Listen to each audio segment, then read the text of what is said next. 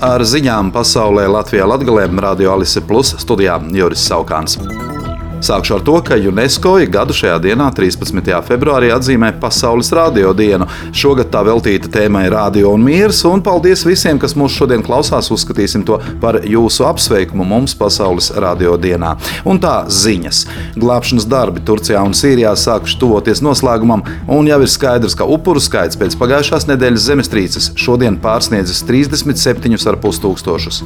Apvienoto Nāciju organizācijas ģenerālsekretāra vietnieks humanitāros jautājumos Dr. Mārtiņš Grifits zīmē vēl baisāku prognozi, teikdams, ka upuru skaits varētu pārsniegt arī 50 tūkstošus. Nedēļu pēc postošās zemestrīces Turcijā izdoti vairāk nekā 130 aizturēšanas orderi.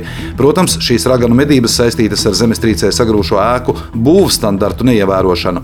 Pēc Turcijas būvniecības standartiem ēkām jābūt ar paaugstinātu izturību pret zemestrīcēm. Tomēr ļoti daudzas no vairāk nekā 6000 ēkām, kas pirmdien sabruka, nebija būvētas atbilstoši noteikumiem. Stambulas lidostā jau aizturēti vairāki būvuzņēmēji, kas gatavojās doties uz ārzemēm. Diezgan loģiski, ka prezidents Reģeps Tajips Erdogans Erdogans un valdība šādi cenšas vērst tautas neapmierinātību pret būvniekiem, lai mazinātu tautas sašutumu, kas Erdoganam, protams, ir īpaši nevēlams pirms maijā gaidāmajām prezidenta un parlamenta vēlēšanām. Taču jāpaturprātā, ka Turcijā būvniecības jomā korupcijas līmenis ir bijis ļoti augsts jau gadiem, un ne prezidents, ne viņam pietuvinātie arī nav bijuši nekādi baltie eņģeļi. Vairums turku to labi zina, līdz ar to maijā gaidāmajās vēlēšanās var iet visādi. Ukrainā tiek veidota uzbrukuma gvarde Krievijas okupēto teritoriju atbrīvošanai. Iestāties tajā pieteikušies jau vairāk nekā 20 tūkstoši cilvēku. Telemaratonā eterā sacīja Ukrainas Nacionālās gvardes preses pārstāvis Ruslans Muzičuks. Uzbrukuma gvardē tiek gaidīti tie, kam ir militārā dienesta vai iekšlietu struktūra pieredze, taču var pieteikties arī bez.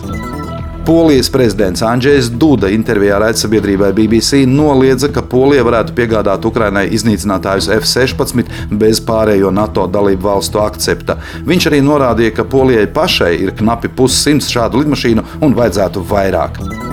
Moldovas prezidenta Maija Sandu šodien preses brīfingā sacīja, ka Krievija plāno Moldovā sarīkot valsts apvērsumu, iesaistot militāri sagatavotus cilvēkus un Krievijas, Baltkrievijas, Serbijas un Melnkalnes pilsoņus. Moldovai dokumentus, kas liecina, ka šādi sagatavošanās darbi tiek veikti, ir nodevuši Ukrainas partneri, kā izteicās prezidente, acīmredzot ar to domādama drošības vai izlūkdienestus. Mūsu aizsardzības ministre Ināra Mūrniece no Nacionālās apvienības Saimas aizsardzības iekšlietu un korupcijas novēršanas komisijas sēdē paziņoja, ka izdevumus aizsardzībai 3% apmērā no iekšzemes koprodukta Latvija varētu sasniegt ātrāk nekā 2027. gadā, kā bija plānots iepriekš.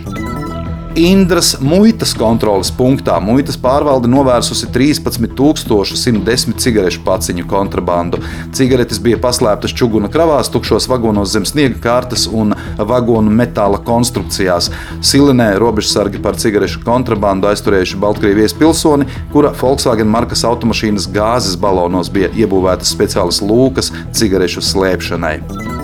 Un visbeidzot, šorīt kāds vīrietis ar ģitāru pie sēmas skaļi dziedāja par zagļiem sējumā un izvairījās no policijas, kas rezultējās ar divu administratīvā pārkāpuma procesu uzsākšanu par neatļautu aktivitāšu veikšanu sēmas objektu aizsargjoslā un par nepakļaušanos policijas darbinieku likumīgajām prasībām.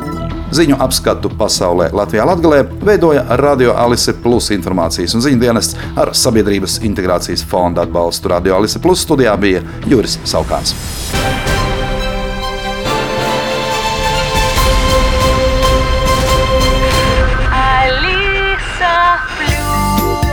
Radio